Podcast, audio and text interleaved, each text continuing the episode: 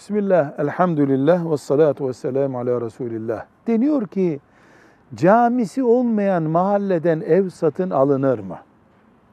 Müslüman nerede bulunuyorsa orada ibadetini yapar. Yeryüzünün her yeri Müslüman için mescittir.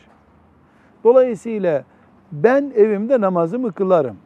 Camide, mahal, mahallemizde cami olması, sokağımızda cami olması evimin bereketi açısından, mahallenin güzelliği açısından bir farktır. Bu farkın peşinde oluruz, bunu isteriz. Ama bir mahallede cami yoktur diye o mahalleden ev almak haramdır da denemez. Müslüman oradan ev almamalı ama haram demek tehlikeli. Velhamdülillahi Rabbil Alemin.